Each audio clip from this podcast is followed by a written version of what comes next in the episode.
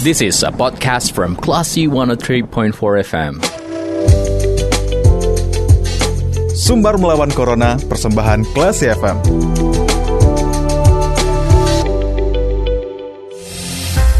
empat Classy FM, this is the actual radio. Selamat sore kelas People, saatnya Anda mencermati Sumbar Melawan Corona, persembahan Radio Kelas FM bersama Sidita Indira.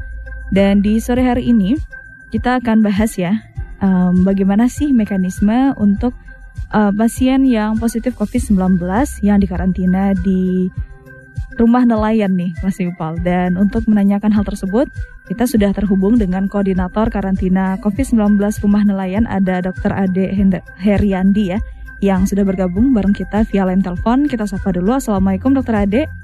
Waalaikumsalam warahmatullahi wabarakatuh. Selamat. Ya. Oke, okay.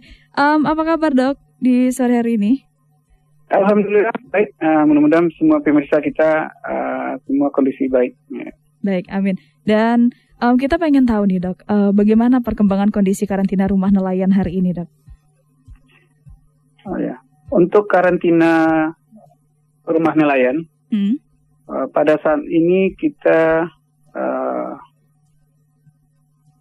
merawat sejumlah 38 orang pasien, okay. ya, yang kondisinya berarti sekitar 25 persen dari kapasitas yang uh, huniannya. Hmm. Berarti uh, sudah banyak yang. Kira, uh, sebelumnya mungkin hmm? bisa kita uh, saya ceritakan dulu tentang uh, kondisi uh, di kampung nelayan. Hmm. Uh, kita di kampung nelayan ini uh, lokasinya di daerah uh, Kota Tengah, ya, mm-hmm. Tengah, di belakang Polsek Kota Tengah, lebih tepatnya. Oke. Okay. Ya. Oke. Okay, untuk uh, prosedural untuk masuk ke karantina wilayah ini, mm-hmm. uh, kita tentu melalui prosedural yang telah kita uh, sesuai dengan SOP kita yang kita sepakati bahwa uh, setiap pasien yang masuk ke karantina kampung nelayan itu harus di screening dulu. Ya, setelah di screening oleh uh, uh, pihak rumah sakit atau pihak puskesmas baru boleh masuk ke karantina. Tapi yang bergejala ringan dan tanpa gejala. Jika bergejala sedang dan berat itu dirawat di rumah sakit. Hmm.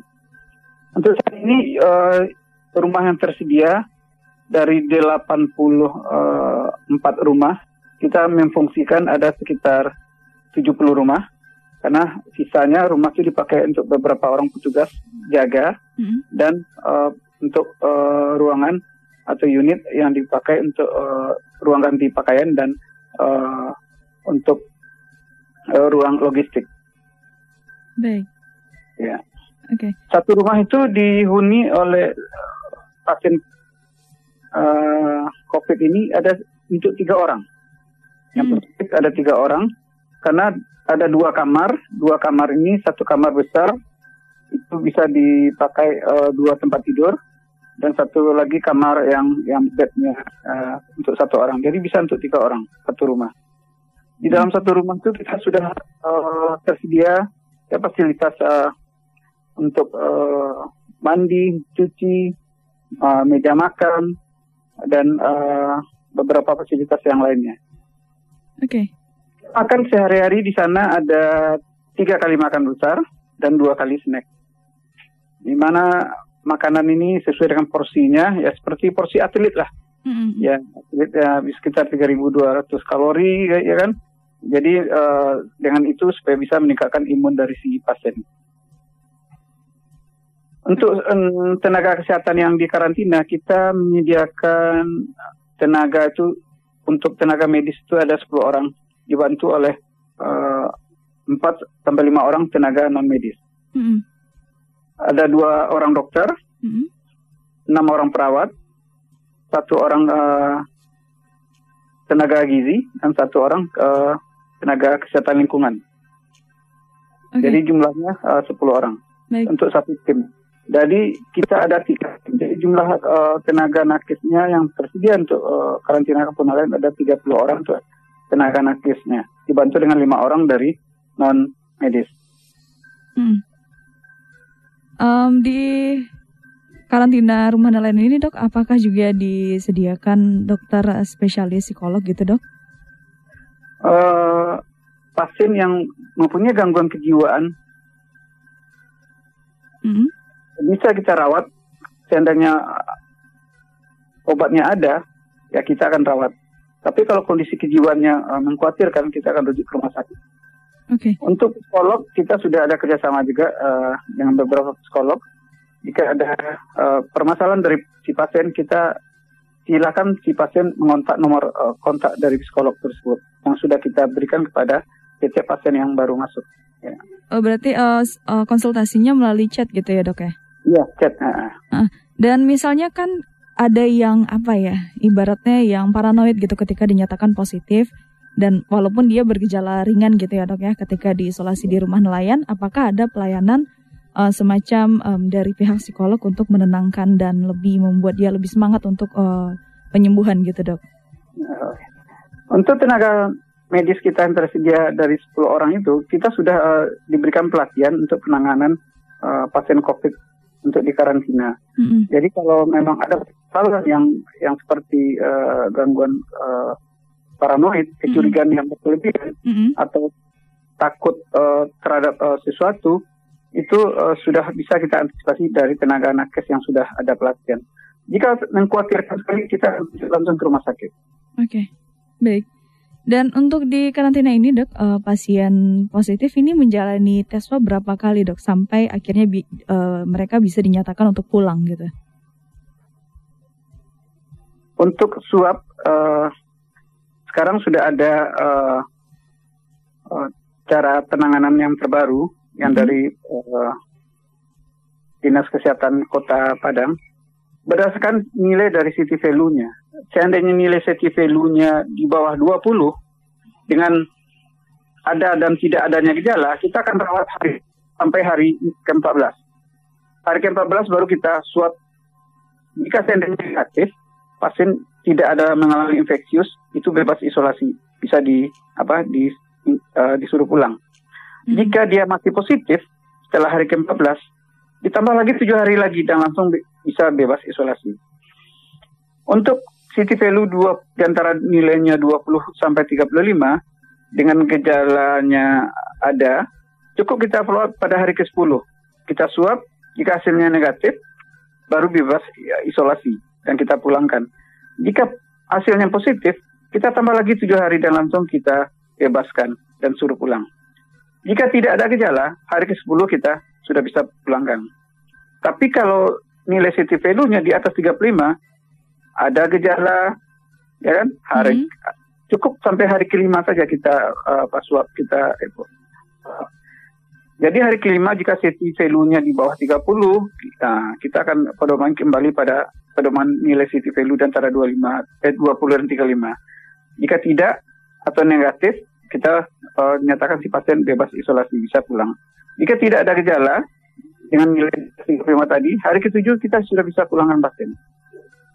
Okay. Ya, untuk karantina kabupaten selama ini kita uh, merawat pasien uh, cukup uh, ya daripada uh, tempat tempat lain mm-hmm. berkisar hari uh, dan sampai hari ke 10 biasanya pasien sudah bisa dipulangkan ya baik berarti um, akhir-akhir ini sudah bisa dengan satu kali swab ya untuk menyatakan pasien sudah bisa dipulangkan ya, gitu ya dok ya? Ya, untuk surat uh, kesembuhannya uh, itu diminta untuk uh, tindak lanjut follow di puskesmas hmm. uh, tempat uh, uh, tempat tinggalnya di wilayah terdekat. Hmm. Jadi kalau dinyatakan sembuh, uh, mereka bisa minta surat untuk menyatakan sembuhnya. Tapi kalau seandainya uh, uh, hasil pemeriksaan uh, di puskesmas pemantauan dari puskesmas masih menimbulkan gejala atau uh, dilakukan ulang swab lagi, nah itu terpaksa lakukan isolasi diri di di rumah lagi. Ya. Baik. Nah, eh, dari pengalaman pasien yang ada di karantina kampung nelayan nih dok, um, kon pasien dengan kondisi seperti apa yang berkemungkinan dilarikan ke rumah sakit nantinya dok? Uh, kalau kondisi si pasien uh, dengan kondisi sedang atau berat, uh, dengan uh, pemeriksaan yang kita lakukan misalnya penilaian dari saturasi oksigen ya mm-hmm. uh, di bawah uh, 90 kan normalnya 94 ke atas. Mm-hmm. Tapi kalau 90 kita sudah apa kita langsung rujuk ke rumah sakit. Ya, kalau kalau kalau kalau tidak ya kondisinya akan cepat uh, memburuk biasanya. Tapi kalau uh, di bawah 94 sampai 90 masih kita observasi, observasi dan biasanya setelah observasi kita berikan oksigen kondisinya membaik. Tapi kalau di bawah 90 kita tidak ada apalagi kita langsung bawa naik ke mobil ambulan yang sudah tersedia di karantina dan kita akan uh, rujuk ke rumah sakit. Oke. Okay. Baik, berarti uh, tergantung dari saturasi oksigennya ya dok ya? Saturasi oksigen, uh, gejala lain ada kesesak napas, mm -hmm. ya suhunya, ya. Mm nah. Oke okay, baik. Dan tadi kan uh, dokter sudah kasih gambaran ya seperti apa lingkungan dan suasana di um, karantina rumah nelayan ini ya dok ya. Nah mungkin bisa dikasih gambaran juga nggak sih dok, misalnya bagi pasien yang di karantina di rumah nelayan ini, seperti apa sih uh, rentetan rutinitasnya setiap harinya gitu dok supaya tidak um, monoton, tidak um, apa ya, ada percepatan untuk uh, upaya sembuh gitu dok. Iya. Wah, ini menarik sekali pertanyaan ini. Memang uh, kegiatan yang kita lakukan adalah kegiatan untuk meningkatkan imunitas dari si pasien sendiri. Pagi-pagi mereka sudah bangun, melakukan jogging, lari-lari kecil, mm-hmm. ya ada yang yang ikut senam dan senamnya instruktur dari mereka sendiri ganti-ganti yeah. dan dan itu uh, dilakukan uh, setengah jam sampai satu jam. Setelah itu uh, mereka kita ya untuk berjemur ya antara mm. jam 10 ke atas itu sudah bisa si pasien diajak berjemur. Jadi berjemur sekitar 15 menit sampai setengah jam ya Nah, untuk meningkatkan imunitas mereka karena berjemur itu adalah mengubah vitamin D menjadi vitamin D hmm. yang dibutuhkan oleh uh, tubuh untuk penyembuhan dari uh, COVID ini. Hmm. Begitu juga pada sore hari setelah sholat asar uh, jam 4 ke atas setengah lima atau sampai jam 6 itu itu si pasien tetap melakukan jogging atau melakukan hmm. senam kembali. Jadi ada dua kali kegiatan yang sama dilakukan dilakukan pada pagi hari dan sore hari. Ya, untuk meningkatkan imun yang lain, pasien kita minta juga melakukan uh, kegiatan sendiri di rumah. Mm-hmm. Misalnya ada yang mengaji, yang membaca Al-Quran, mm-hmm. ataupun dengar uh, apa uh, kegiatan apa uh, di di YouTube atau gimana dan mm-hmm. yang bisa menyebabkan mereka tuh hatinya tenang dan bisa meningkatkan imun tubuh mereka. Karena uh, selain dari itu kita sudah uh, sesuaikan juga gizi mereka, mm-hmm. ya, di mana gizi itu sudah cukup untuk meningkatkan imun mereka. Jadi tinggal dari mereka sendiri. Jika hatinya senang, pikirannya senang, otomatis imunnya akan, ya. Oke, okay, baik dokter. Dan tadi di awal juga dokter sudah sempat bilang ya kalau buat um, pasien yang akan dirawat di karantina rumah nelayan ini akan di screening dulu di puskesmas. Nah, Um, kan tidak semua yang bergejala ringan atau OTG ini akan memilih rumah nelayan. Ada yang diisolasi di rumah gitu ya dok ya. Cuma ada juga masyarakat yang ketika dinyatakan bergejala ringan dan OTG, uh, mereka bingung sebenarnya menginginkan untuk isolasi di karantina rumah nelayan, tapi um, tidak tahu prosedurnya. Apakah memang uh, si pasien yang menawarkan diri ingin karantina di lokasi tersebut, atau memang ada penawaran dari puskesmas yang memeriksanya dok? Ya, bagus pertanyaannya. Memang ini yang kendala yang kita hadapi. Kita tidak boleh memaksakan uh, satu kehendak kepada si pasien karena hmm. si pasien harus kita hargai. Tapi kita harus melakukan uh, edukasi kepada si pasien bahwa untuk kesembuhan dari uh, si pasien sendiri COVID yang diderita mereka, hmm. mereka harus melalui beberapa tahap penyembuhan. Dan tahap penyembuhan itu hanya dilakukan di karantina. Okay. Di luar karantina, mereka melakukan uh, sendiri misal di rumah hmm. itu tidak bisa terpantau uh, apakah betul mereka melakukan apakah betul mereka berjemur apakah betul hmm. mereka olahraga jogging apakah betul mereka apa makan gizi yang yang seimbang hmm. ya itu tidak bisa kita pantau tapi memang seharusnya dengan kondisi karantina ini hmm. uh, itu lebih bagus karena di karantina uh, belum saya jelaskan kita menyediakan poliklinik juga di karantina. Okay. Jadi setiap hari si pasien pagi atau sore atau on call pun uh, bisa menghubungi kita di di di karantina. Hmm. Jadi kalau memang uh, ada gejala atau atau ada sesuatu yang mengkhawatirkan, si pasien bisa konsultasi ke kita, ya. Hmm. Kita akan suruh uh, uh, datang ke klinik atau kita datangi mereka ke rumah mereka masing-masing sesuai dengan kondisinya. Oke. Okay. tersedia uh, pelayanan kesehatan di dalamnya ada poliklinik dengan ambulan yang yang yang siap melayani untuk rujukan. Jadi kalau itu uh, si pasien tahu bahwa mereka diperhatikan di karantina dengan gizinya yang bagus, ada pelayanan poliklinik yang tersedia, ya yang standby 24 jam, dan ada tenaga kesehatan yang yang berkualitas, ya Hmm. Uh, ada dua dokter, ya, ada tenaga gizi, tenaga keseling, ada hmm. perawat, ada juga bidan, dan ada tenaga tenaga non karantina yang siap membantu, eh non non medis yang siap membantu mereka di karantina ini. Mungkin lebih bagus di karantina karena bagaimanapun karantina itu uh, hal yang paling uh, terbaik lebih untuk uh, ya? ini yang yang yang kita lakukan untuk uh, memutus rantai uh, penularan dari uh, COVID-19 ini. Oke, okay. nah ter uh, terakhir nih dok, um, misalnya seseorang dinyatakan positif gitu ya dengan gejala ringan, dan apa prosedurnya jika mereka menginginkan untuk karantina di rumah nelayan dok? Oh ya, yes. uh, di sebelumnya sudah uh, saya jelaskan, mm -hmm. memang harus screening itu di puskesmas mm -hmm. atau di uh, rumah sakit. Di umur di atas 40 itu diwajibkan uh, kita screening di rumah sakit. Mm -hmm. umur 40 ya anak remaja atau usia muda itu cukup di screening aja di puskesmas. Mm-hmm. Jadi kalau memang dia bergejala ringan ataupun dia tanpa gejala, ya mm-hmm. tidak ada gejala apa-apa, itu uh, bisa kita anjurkan rujuk ke karantina uh, kampung nelayan. Jadi prosedur yang itu tidak begitu rumit, cukup uh, simple aja. Mm-hmm. Ada dinyatakan positif, datangi uh, petugas kesehatan kita yang ada di puskesmas, mm-hmm. atau uh, mendapatkan surat di rumah sakit untuk dibawa ke dirujuk ke karantina kampung nelayan. Oke, okay. baik. Karena masih ada di lapangan dok, uh, mereka dinyatakan positif dan um, akhirnya memilih isolasi mandiri dan tidak tahu informasi terkait dengan bisanya diisolasi di rumah nelayan ini dok gitu.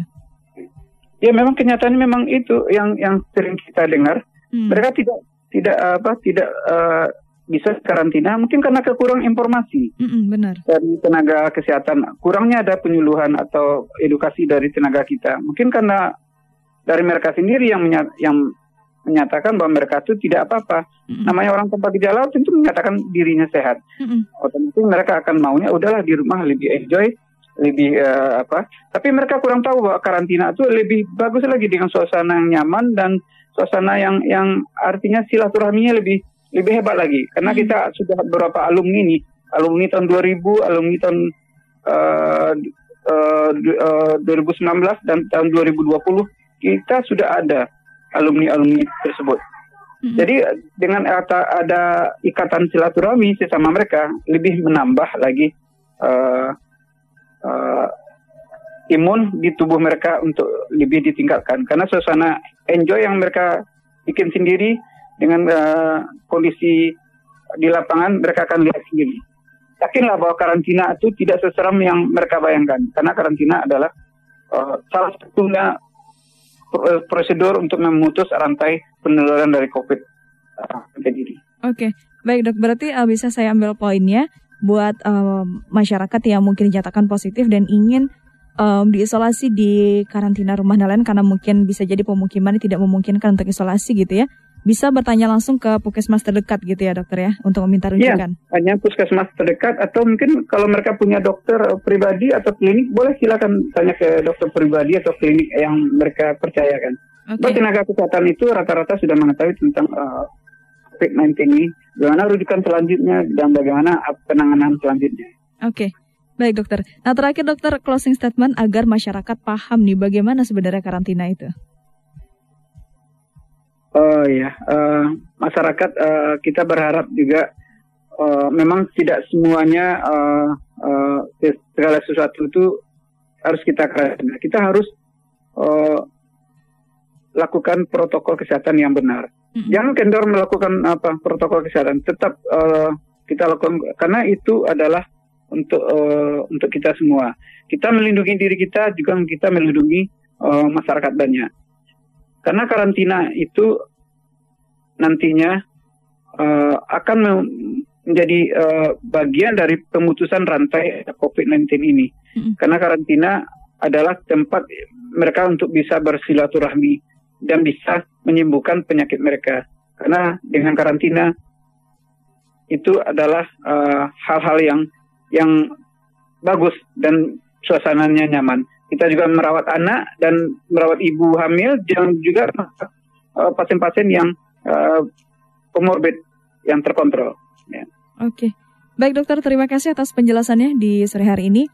Terima kasih sudah berbagi cerita juga dok terkait dengan ya. karantina rumah nelayan dan um, semoga pasien yang saat ini berada di karantina segera sembuh dan sehat-sehat terus ya dokter dan para nakes yang bertugas di sana. Iya, uh, mudah-mudahan uh, kita semua tetap dilindungi oleh Allah Subhanahu Taala dan mudah-mudahan uh, segala sesuatu bisa kita uh, uh, lakukan dengan uh, protokol kesehatan yang benar. Baik. Terima ya. kasih dokter. Assalamualaikum. Waalaikumsalam warahmatullahi wabarakatuh. Baiklah Sipol, itu obrolan kita bersama dengan Koordinator Karantina COVID Rumah Nelayan. Ada Dokter Ade Heriandi ya, yang menceritakan bagaimana kondisi dan lingkungan dari karantina rumah nelayan. Kalau gitu saya Dita Indira, kita ke program selanjutnya. Terima kasih. Anda sudah mencermati program Sumber Melawan Corona. Cermati podcast obrolan ini di www.classfm.co.id atau download aplikasi Classy FM.